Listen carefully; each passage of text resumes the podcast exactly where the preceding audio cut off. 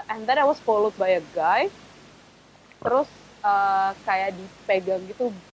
I was shocked. I was like 18 years old. Jadi ke mana pun gue di Jerman itu takut. Attention please, this is the final call for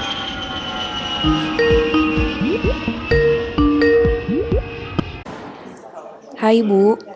Halo Nek. Selamat malam waktu Jakarta Selamat siang waktu Munchen. gue masih siang loh berarti kita nggak semalam itu ya hari- Hari ini kita agak lebih awal ya. oke ya kembali lagi di LDR. bersama Yohan dan Dedi apa kabar Dep lu Dep Gua keriaan apa di Munchen Dep wah di Munchen sih banyak yang bersukaria Bu, tapi gue lagi pusing bagi waktu. kenapa tuh? Gue sampai tanggal merah aja ke ini tau nggak? Ke library tau nggak? Kemarin minggu lalu. Karena banyak banget aja yang mesti dikerjain. Antara tesis dan gue mesti nyiapin buat ujian negara bulan Oktober nanti. Lo apa kabar? gue baik-baik. Gue baru balik dari Bandung kemarin. Tapi pas di Bandung kan eh, ada nggak pas di Bandung sih pa, ada bom kan belakangan? Iya, di kemarin sama bahkan sebelumnya itu di di Makobrimob itu di Depok sebenarnya. Tapi gue tuh nggak Hmm. sadar kalau kalau itu di Depok. Baru besoknya tuh gue baca oh ada bom gitu. Terus siang siang itu baru kayak oh itu di Depok kayak gitu. Gue kayak eh, terus kemarin juga di Surabaya sidoarjo dan tadi pagi lagi. Di Surabaya lagi. Jadi em, apa ya di kayaknya di Jakarta juga harusnya di seluruh kota di Indonesia kayaknya pada lagi siaga satu di mana-mana Mhm, mhm. Tadi gue juga akhirnya dapat message dari orang tua. Bahkan adik gue yang super nggak pedulian itu. Ya kayak jaga diri dan segala macam hati-hati. Ada lo ngomong gitu ke lo? Iya, iya dia sih Oh. forward forward message yang eh, ada ada apa namanya? Ada pesan dari Polri dan Densus 88 untuk menghindari tempat-tempat eh list ya panjang lah sekian sekian sekian. Itu gue kayak coming from my brother yang super sweet itu gue yang kayak oke. Tapi ya itu sih lagi lagi pada siaga satu semua ya gue juga bersiaga gitu. Berhati-hati lah. Hati-hati Bu dan semua teman-teman di Indo. Take care. Take care semuanya. So Hari ini Hari ngomongin apa? ya. Ngomongin, kayaknya hari kita bakal ngomongin gimana sih rasanya jadi imigran karena eh, kita berdua bahkan Debbie sekarang juga masih eh, pernah jadi imigran dan tinggal di negara lain yang bukan negara asal. Yoi, jadi itu antara antara big step tapi ya sebenarnya banyak juga orang yang ngelakuin itu kan. Maksudnya kita lihat banyak juga sebenarnya orang di sekitar kita yang ngelakuin itu tapi tetap aja kayak ngelakuin. Jadi itu kayak bukan sesuatu yang baru banget. Tetap aja pas dilakuin ada aja kejadian-kejadian yang lo nggak bisa lo nggak bisa eh, perhitungin sebelumnya. Lo kenapa Dep ke Jerman Dep awalnya? Gue ke Jerman awalnya karena gue pengen kuliah kedokteran. Jadi eh, kedokteran Jerman itu di Indonesia somehow agak bagus reputasinya. Terus menurut gue Jerman itu doable buat gue masuk ke med schoolnya dan gue dari sebenarnya eh, pilihan buat stay di Indo dan kuliah di Indo itu pilihan yang mungkin lebih banyak baiknya sih kalau misalnya gue nanti pengen praktek di Indo. Tapi gue tuh dari dulu mikir kayak eh kalau misalnya gue kuliah, gue tuh pengen yang jauh gitu bu. Kayak gue pengen keluar dari comfort zone sok-sokan ya kan. Gue pengen keluar dari comfort zone, gue pengen wah ini gue pengen mencoba melihat dunia luar. Kayak yang udah pernah gue sebut di episode satu kita. Yang belum dengerin, dengerin dulu. Ya udah, akhirnya waktu itu pilihannya jatuh ke Jerman. eh dan sekarang gue ada di sini gitu. Waktu itu lo gimana bu? Kayak perjalanan sampai lo ke Jerman. Gue itu awalnya nggak mau kuliah ke Jerman. Nggak mau sih. Jadi dari kecil itu cita-cita gue adalah kuliah ke Jerman memang. Karena bokap gue kan lulusan Jerman.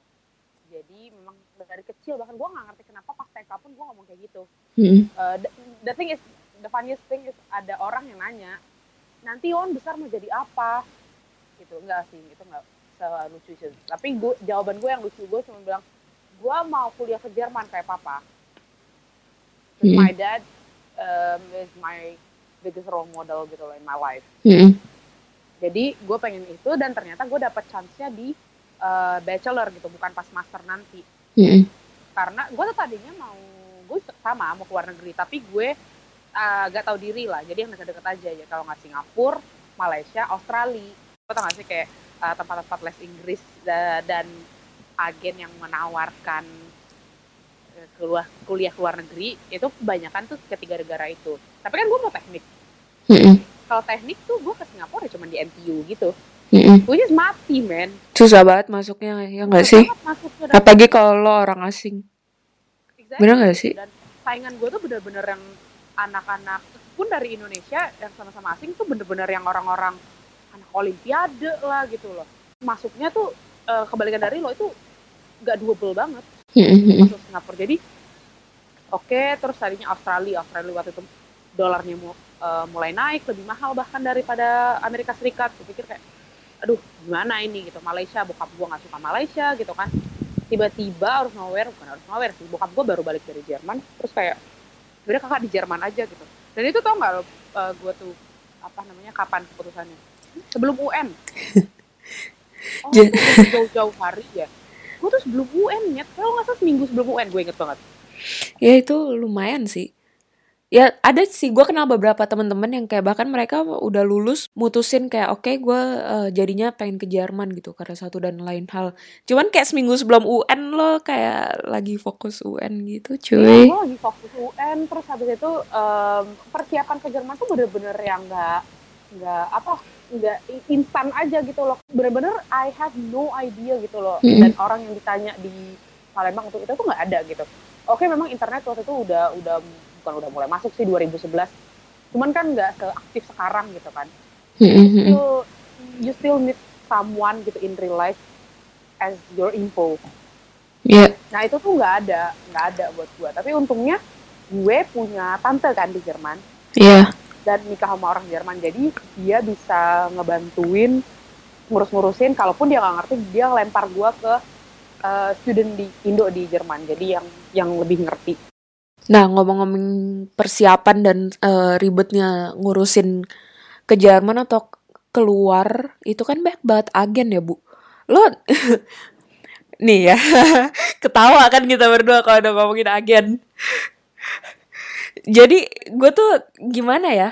Kalau di satu sisi sebenarnya emang agen itu eh ngebantu kan. Kakak gue juga waktu itu gue inget pakai agen. Kadang-kadang masalahnya itu lebih di ini kalau menurut gue eh satu di luar itu lo bener-bener sendirian lo bener-bener mesti ngurus dari A sampai Z semuanya tuh sendirian terus kayak menurut gua eh kalau lo dari awal berharap semuanya diurusin dengan catatan lo bisa ngeluarin duit kayak gitu lo apa ya menurut gua kayak lo jadi nggak terlatih buat menghadapi semuanya nanti gitu jadinya ngarepin kayak ini gimana ya ini gimana ya jadi nggak nggak cak cak cak gitu loh ke Tapi gitu. tapi menurut gue juga deh eh, itu tuh kebiasaannya kita as Indonesians gitu loh. Karena as you know service di Indonesia tuh atau menurut gue itu terbaik sih. iya. Let's say service in Asia itu terbaik. Apalagi di Indonesia kita benar-benar yang sebagai em, orang tuh dimanjain dengan apa pun. Kayak apalagi zaman sekarang. Termasuk untuk urusan esensial seperti itu kuliah kerja apa pun itu gitu loh. Terima jadi ya kan? Terima begitu gitu. lo punya uang service banyak. Exactly. Apalagi kayak oh ya gue punya uang gitu ya udahlah nggak apa-apa lah atau apalagi misalnya orang tua "Eh, ya udah nggak apa-apa lah mending bayar segini daripada nanti kamu eh, kenapa-kenapa nah. Lo bayar segitu dan lo kenapa-kenapa nyet Iya, itu problem keduanya juga nih. Pertama kayak, oke ya kalau lo misalnya bisa bayar, fine ngapain? Gue bisa bayar kok. eh, terus habis itu gue nerima semua beres, kenapa enggak gitu kan? Nanti kalau emang pas gue udah di sana, gue mesti ngurusin sendiri, gue ngurusin sendiri. Sekarang pas gue bisa dibantuin orang, kenapa enggak? Why not? Udah terserah gitu kan. Problem keduanya itu kayak banyak agen nih gue ngomongin yang ke Jerman sih ya yang udah bayar pun agennya nggak ngurusin. Kan sedih ya bu. Itu gue banyak banget sih denger cerita. Agennya tuh sering menjanjikan uh, lebih dari yang mereka bisa terus kayak narik uangnya itu nggak kira-kira gitu loh menurut gue benar bisa bisa tiga minimal tuh dua kali lipat minimal. Bahkan ada yang lima kali lipat. Dari dari uang uh, uh, yang kita harus kasih ke Deutsche Bank di awal. Yoi. Gue gue inget banget tuh waktu gue zaman main AFM gitu kan. Sering banget yang ada yang nanya-nanya ke gue gitu. Terus gue nggak tahu bahkan ada agen yang narik bisa kayak lima pas zaman kita tuh kan masih karena kurs masih uh, rendah jadi 100 jutaan lah kira-kira kan uang tahunannya. Itu yeah. ada yang minta kayak 500 juta untuk yeah. uh, in total gitu. Gue kayak gue dikasih garansi apa 500 jutanya ke rumah? Ya, mereka nggak ngasih garansi apa-apa. Kadang-kadang nyampe sini anak-anaknya di dibiarin dan teman-teman gue banyak banget yang pengalamannya buruk gitu kayak bahkan ke Jermannya aja kayak udah bayar puluhan ratusan juta itu ngurus visa sendiri akhirnya ini sendiri oh, iya. itu sendiri terus nyampe sini misalnya kayak rumah belum tentu ada terus mereka janjiin kayak keterima uh, sini keterima situ padahal belum tentu itu kan tergantung anaknya kayak lulus tes atau enggak itu sedih sih. Jadi kayak menurut gue banyak yang kejebak gitu loh. jadi ya buat temen-temen yang kayak mikir-mikir keluar negeri terus pakai jasa agen kayak cek and recheck lagi pengalaman orang-orang. Di sini bukan kita mau ngejelekin agen juga sih cuman uh, ya itu kenyataannya. Iya. Tapi lo lo pakai agen enggak sih? Enggak gua nggak pakai agen. Jadi ngomongnya sih nggak pakai agen gua tapi uh, seperti yang gue bilang tadi kayak kakak gue juga sebenarnya pas kuliah keluar pakai agen dan lancar-lancar aja maksudnya semua baik-baik aja tergantung juga makanya mesti hati-hati aja sih mesti walaupun udah udah bayar tapi jangan kayak lepas iya dan jangan lepas maksudnya lepas tanggung jawab jangan kayak oh nggak tahu apa-apa gitu. mm -mm. mesti proaktif uang dan dokumen iya dan waktu lo juga bisa kebuang dan ya pokoknya bikin semua orang kesel lah kalau misalnya itu nggak lancar. Tuh selain selain masalah agen bu nih kita ngomongin pengalaman yang agak-agak menyedihkan pengalaman-pengalaman buruk di Jerman dulu deh. Lo pernah nggak kayak ngerasa anjir nih gue kayak wah ini ini pengalaman yang nggak banget. Pernah tapi nggak di Jerman sebenarnya? Di Itali mm -hmm. gue jadi gue pernah uh, pagi-pagi gue I had to catch my flight tapi ke train pertama itu kan jam 6 sedangkan flight gue jam 7.15 jadi nggak nggak sempet gitu mm -hmm. jadi gue harus ngambil bus yang katanya ada di Central Station jam 4 atau setengah lima gue lupa gue udah di situ kayak jam setengah empat itu gue nyari nyari halte busnya yang mana kan nggak jelas gitu uh, and then I was followed by a guy terus uh, kayak dipegang gitu celananya bagian daerah. Daerah. Oke. Okay. nah terus I was shocked. I was like 18 years old. Gue baru enam bulan di Jerman Januari. Eh ya bulan ketujuhnya itu ke Italia liburan. Pas pulangnya gituin gue kayak I was super shock jadi ke mana pun gue di Jerman itu takut. Mm. kalau udah gelap kalau udah lewat jam 12 malam itu gue takut habis kejadian itu iya sampai gue balik deh. Bertahun-tahun bahkan berarti. Mm. gue, padahal gue tahu di Jerman itu negara paling aman istilahnya. Da, karena kayak kita nyentuh stranger aja kita bisa tuntut mereka. Eh sorry orangnya bisa nuntut mm. kita gitu. mm. jadi ya aman gitu. Gue tau gue nggak akan diganggu sama orang di Jerman hopefully dan memang gak cuman habis itu ya tetap aja takut gitu. Terus uh, itu kan awal bulan pertengahan bulannya atau gue main ke rumah temen gue uh, memang kita pulangnya pagi sih kayak jam 3 pagi tapi gue sama temen gue gitu berdua kita lagi nunggu tram balik rumah ada orang Jerman mabuk itu gue yakin banget itu orang Jerman uh, dia tuh gangguin kita gak nyentuh dia agak mabuk gitu hmm. ngomong depan gue ngomong Jerman dan gue waktu itu masih nggak bisa Jerman juga jadi gue nggak ngerti karena gue nggak jawab dia bener-bener diem doang dia sampai ngomong ke temannya dia dia budek atau gimana ya? Terus dia coba ngomongin ngomong Inggris ke gue tapi gue juga nggak jawab gitu. Loh hmm. dan di situ tuh ya karena trauma yang di Itali itu jadi di Jerman pun gitu jadinya gue agak kebawa takut gitu loh. Tapi setelah apa akhir-akhir gue di Jerman itu setelah tahun ke empat gue udah kayak ya udah gue nggak apa-apa gitu Tapi sebenarnya gue juga pernah mengalami bahkan kayak sampai dipegang juga tapi itu di Indonesia bu di Jakarta. Mungkin kayak gitu tuh sesuatu yang bisa terjadi di mana-mana juga. Dan gue waktu itu kayak gue lagi jalan kaki di Jakarta terus gue merasa baju gue biasa aja gitu kan. Gue udah tahu maksudnya di Jakarta banyak mas-mas suka catcall suka iseng suka apa ya. Gue mendingan gak usah menarik perhatian gitu kan gue lagi jalan papasan sama orang terus dia megang dada gue gitu aja. Terus gue kan kaget gitu kan. Gue kayak woi gitu gue teriak. Terus orangnya cabut aja gitu. Cuman mungkin emang beda lagi karena lo nggak di nggak di tanah air lo lo jadi connect si pengalaman buruk itu sama fakta bahwa lo lagi di luar negeri dan nggak aman. Iya. Kalau lo gimana? Pernah juga yang kayak begituan gak sih Gue sampai sekarang masih ini sih bu, gue masih sulit menyesuaikan sama yang namanya musim dingin si winter itu. Soalnya, gue oke gue udah udah tahu caranya pakai baju supaya gue ya lumayan lah bisa bisa tetap hangat. Tapi yang menurut gue susah banget gelapnya bu, menurut gue itu lebih parah daripada dinginnya.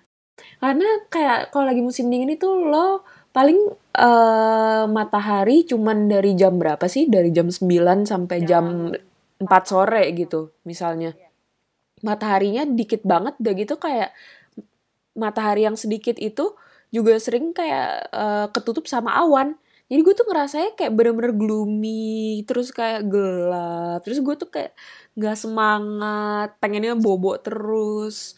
Itu buat gue mood ya. gue itu jelek sama berbulan-bulan gitu. Terus pengalaman gue ada satu lagi sih bu yang gue sampai sekarang nggak bakal pernah lupa. Waktu gue homeless pas nyampe Munchen. gue inget banget tuh ceritanya gimana gimana deh Itu adalah nih ya, gue itu lo kalau misalnya lo tahu eh, sedikit tentang Munchen itu satu kota di Jerman yang terkenal juga lo susah banget nyari rumah di situ. Lo punya duit pun lo bi- bilang kayak oke gue ba- gue pengen bayar eh, segini buat rumah gue sebulan nggak apa-apa eh, bonyok gue mau bayar. Itu lo punya duit pun belum tentu dapet gitu rumahnya. Exactly itu yang tai. Itu yang tahinya karena rumahnya segitu sedikitnya buat student. Jadi gue kayak nyampe nyari-nyari rumah eh, ke sana kemari dan gue sadar gue tuh nggak punya nggak punya tempat tinggal gitu. Gue ke sana kemari nggak nemu gue waktu itu belum kenal anak Munchen satupun. Dan gue waktu itu ada satu momen di mana gue duduk dan nangis di situ. Karena gue bener-bener ngerasa kayak shit gue homeless. Kayak lo tau nggak bu? Kebutuhan primer manusia itu ada tiga. Sandang pangan papan. Terus kayak ternyata begitu itu bener-bener kebutuhan primer. Sampai-sampai pas lo nggak punya salah satu dari itu lo nggak punya rumah itu tuh rasanya serem banget sih bu. Gue nggak bohong oke gue lagi tinggal di hostel waktu itu bla bla bla tapi gue kayak gue nggak punya rumah permanen gitu. Sampai akhirnya ya abis itu ada sih maksudnya ada kenalan yang bisa kayak oh udah lo nginep sini aja. Akhirnya setelah eh, berapa lama lo dapet tempat tinggal? Pas gue abis nangis itu gue tetap kayak oke nih gue lagi sedih banget kayak gue lagi down tapi gue nggak punya rumah. Akhirnya gue memutuskan untuk tetap nelponin semua dorm yang ada di Munchen tapi gue abis nangis bu. Jadi gue masih terisak-isak akhirnya gue nggak lama abis itu gue sambil nelpon kayak gue kayak "Eh, halo gue student dari Indonesia. Gue nggak punya rumah. Minggu depan gue harus kuliah. Dan ada satu ibu-ibu dari satu dorm waktu itu dorm lama gue yang dia kayak tenang tenang tenang tenang tenang. Ini kita ada eh, beberapa student yang nge-cancel mereka nggak jadi kuliah di Munchen. Jadi kita ada beberapa kamar yang free nih. Kamu tenang dulu kamu tenang dulu. Jadi nggak lama habis itu gue dapet kamar. Tapi mungkin karena nelponnya sambil nangis nangis the thing is kalau lo kuliah di Munchen eh, apa ya ceritanya pasti sama. Cerita yang paling berkesan kalau ditanya pasti bagian rumah. Rumah. Parah sih. Gue yang kayak cuy gue emang pengen keluar comfort zone. Emang keluar comfort zone berarti uncomfortable tapi nggak homeless juga cuy. Anjir. Terus terus lo masih eh, ada kesulitan apa deh di- sampai sekarang di selama hidup di sana deh kesulitan gue sekarang itu lebih ke ini bu eh, makin gue lama di sini kan gue makin settle, makin enak hidup gue sebenarnya di sini. Tapi justru di situ makin kepecah juga pikiran gue karena dari dulu gue mikirnya balik ke Indonesia. Tapi kayak semakin lama gue di sini berarti network gue di sini semakin kuat dan network gue di Indonesia semakin lemah gitu. Kayak gue mikir untuk balik eh, tiba-tiba nggak bisa gitu aja kan sebenarnya. Kayak lo lulus balik apalagi eh, sebagai dokter itu butuh penyetaraan butuh ini butuh itu. Jadi nggak segampang itu buat gue jadi gue mak- kesulitan gue sekarang justru semakin enak hidup di sini gue semakin bingung ke depannya jalan hidup gue bakal kayak gimana. Hmm, lebih ke lebih susah ya daripada kesulitan yang biasanya gue gue denger ya. Karena tahu kalau orang-orang tuh kalau gue nanya atau gue ditanya gitu kan biasanya ya sebenarnya standar-standar aja kayak bahasa of course. Iya. Kayak kalau lo sakit, kalau lo susah itu nggak ada relatives atau lo benar-benar sendirian yang harus struggling gitu kan. Ya oke ini hmm this is a unique one. Iya. Kalau abis ngomongin yang galau-galaunya pas di sini bu, coba pengalaman lo yang seneng-seneng atau apa sih yang lo dapetin dari berapa tahun selama di Jerman?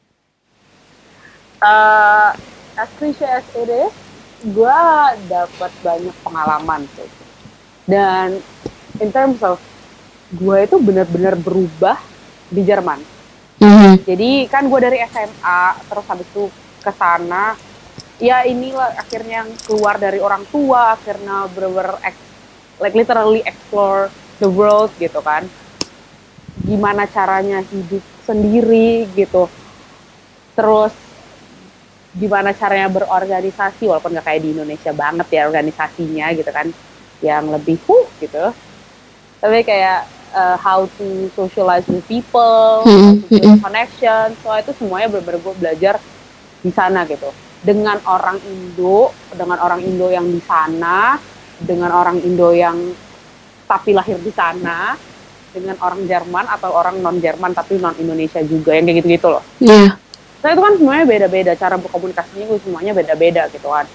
Terus eh, yang pasti gue gue belajar untuk bekerja sama yang pasti jalan-jalan. Iya. As in, kalau di Jerman itu kan karena karena kita Schengen, karena kita ke mana-mana, mungkin nggak kayak negara-negara lain gitu ya. Kalau lo lihat secara peta aja, kalau Eropa tuh kan kecil-kecil dan compact. Jadi untuk ke mana-mana tuh 6 jam dikit, eh udah negara lain gitu. Dan traveling itu ngebuka ngebuka pemikiran lo juga kan. Kayak di sini lo dikit ke mana dikit udah negara lain terus kayak culture-nya beda, eh, bahasanya beda, makanannya beda, sejarahnya beda dan itu kayak kayak rich banget sebenarnya yang bisa dieksplor. Bahkan lo ke negara yang sama, tap, di negara yang sama tapi ke kota lain, Mm-mm. atau bahkan lo di, di negara bagian yang sama tapi kota lain, lo tuh udah belajar new things gitu loh. Mm-mm. itu yang gue suka banget kan memang gue sen- gue tuh kan orangnya lumayan observant observantnya juga lebih ke visual bukan baca gitu tapi gue ngeliat dan audio jadi bagian kayak gitu bukan gue bilang di Indonesia nggak bisa of course gue bisa gitu. Tapi kan di sana di sana karena lebih diverse jadi lebih banyak masukan eh, masukan ilmu yang gue dapet gitu untuk at least untuk sehari-hari. Ya itu gue ngerasain juga sih Bu yang lo bilang. Itu kayak plus pointnya banget kalau misalnya kita pernah tinggal di satu tempat yang bukan eh, negara asal kita. Karena kayak traveling juga beda sama ngerasain bener-bener tinggal long term di negara lain. Gue senengnya di sini juga eh, sejak di sini mungkin karena ya karena Jerman kan negara maju. Gue nggak bisa bandingin sistem perkuliahan Jerman dan Indonesia karena gue nggak punya nggak pernah uh, kuliah di Indonesia. Tapi menurut gue anak-anak sini yang kayak pas masuk uh, kuliah banyak yang seumuran sama gue. Somehow sistem sekolah mereka sampai mereka lulus SMA itu buat gue bikin mereka jadi super mikir kritis. Jadi kayak gue gue tuh sampai bertanya-tanya gitu loh bu ini mereka tuh waktu di sekolah dikasih makan apaan dikasih baca apaan dikasih denger apaan karena mereka tuh mikirnya kritis banget cuy kayak gue eh, ibaratnya kalau misalnya dikasih suatu materi mereka bukan lagi cuman berusaha ngerti materi itu terus mereka berusaha mempertanyakan habis itu jadi kayak nggak gampang dibego-begoin orang-orangnya Iya, iya. Itu ya makanya gue bilang apa jadi observer itu gue belajar juga cara mikirnya mereka tuh gimana gitu loh. Gue memang banyak nanya, gue memang penasaran, tapi ngeliat mereka kayak wow yang kayak gitu lo juga lo tanyain sampai kayak gitu. Hmm. Tapi ternyata yang kayak gitu emang harus ditanyain. Harus Hmm. Ya bukan hal sekecil apa pun juga perlu ditanyain gitu loh. Tapi kayak memang kalau lo penasaran, Hmm. fire away. Fairway bener Iya. Jadi kalau oke dengan kegalauan lo yang tadi, Dep, to close uh, the discussion kayak gitu, lo bakal balik ke Indo atau enggak? Atau lo mungkin uh, ke negara lain? dari lubuk hati yang paling dalam gue pengen banget balik ke Indo lagi tapi eh gue nggak tahu jalan hidup gue apakah akan membawa gue ke sana. Asik. Gue pengen gue pengen eh, berkarya di Indonesia lagi. Karena gue pengen gue pengen gue berkaryanya bukan di Jerman bukan di negara maju. Dan ya kalau udah ngomongin eh, negara yang berkembang yang gue kenal dengan baik medannya apa? Negara asal gue Indonesia gitu Eh semoga cita-cita gue tercapai tapi we'll see lah ya bu. Amin, amin. kalau pertanyaan closing dari gue buat lo. Kalau kalau Yohan yang waktu itu umur berapa? Umur 17 pas mau ke Jerman. 18. 18 kalau Yohan umur 18 dikasih tahu outcome dan segala macem eh, plus minus yang terjadi di Jerman. Pokoknya lo dikasih tahu pengetahuan semuanya bakal jadi kayak gini lo bakal tetap ke Jerman gak waktu itu Tetap. Maksudnya tunggu tunggu. Yang outcome-nya ini termasuk yang gue balik ke Indonesia ini? semua semua. Heeh. Tetap Lo bakal ke Jerman gue rasa. Hmm. cum eh, karena gua bener-bener mau merasakan pengalaman tinggal di luar negeri itu apalagi itu jauh banget gitu loh Mhm. dan itu negara impian gue dari gua kecil tiga tahun kayaknya deh Iya. gue bakal tetap pergi ke sana. Tapi mungkin gua bakal mem- menggunakan lima tahun itu dengan jauh lebih baik daripada gua em, apa ya daripada yang gue lakukan kemarin. Jadi karena gua tahu jadi I will I will use all the minutes all the seconds buat seize the moment. Oke. oh that's a good one. That's a really good one basically so buat closing seperti biasa kita ada weekly obsession Debbie. Kita apa? Weekly obsession lo nek? Gue lagi ini bu, gue lagi obses sama kalau lo tahu Rupi Kaur, ya. Seorang penulis dari Kanada yang Milk and Honey atau yang ya gue lagi gue lagi baru punya Milk and Honey. Gue belum sempet baca banyak, tapi gue baru buka-buka dikit. Dan buat kalian yang belum tahu Milk and Honey itu kayak apa ya kumpulan eh, semacam puisi pendek tapi puisinya tuh menurut gue kayak nggak pakai kata-kata indah, nggak pakai rhyme. Jadi kata-katanya tuh super simple dan ngena gitu. Terus ada ilus- ilustrasi-ilustrasi juga di dalamnya yang kayak pas lo baca lo kayak ketusuk-tusuk gitu. Ka- Atau itu super relatable. Lo yang kayak ngerasa anjir gue nggak sendiri di dunia ini ngerasa kayak gini. The Milk and Honey itu benar-benar dari kan gue udah baca juga Milk and Honey kan sampai selesai dari yang sedih, devastated sampai uh, bangkit dan seneng gitu. Iya. Ingat gue iya gak sih? Gue belum selesai bacanya. Kalau eh, uh, kalau Rupi Kaur gue gue udah ada buku yang satu lagi gitu. Tapi Yang kedua ya. Iya. gitu. Yes. Apa obsession lo minggu ini bu?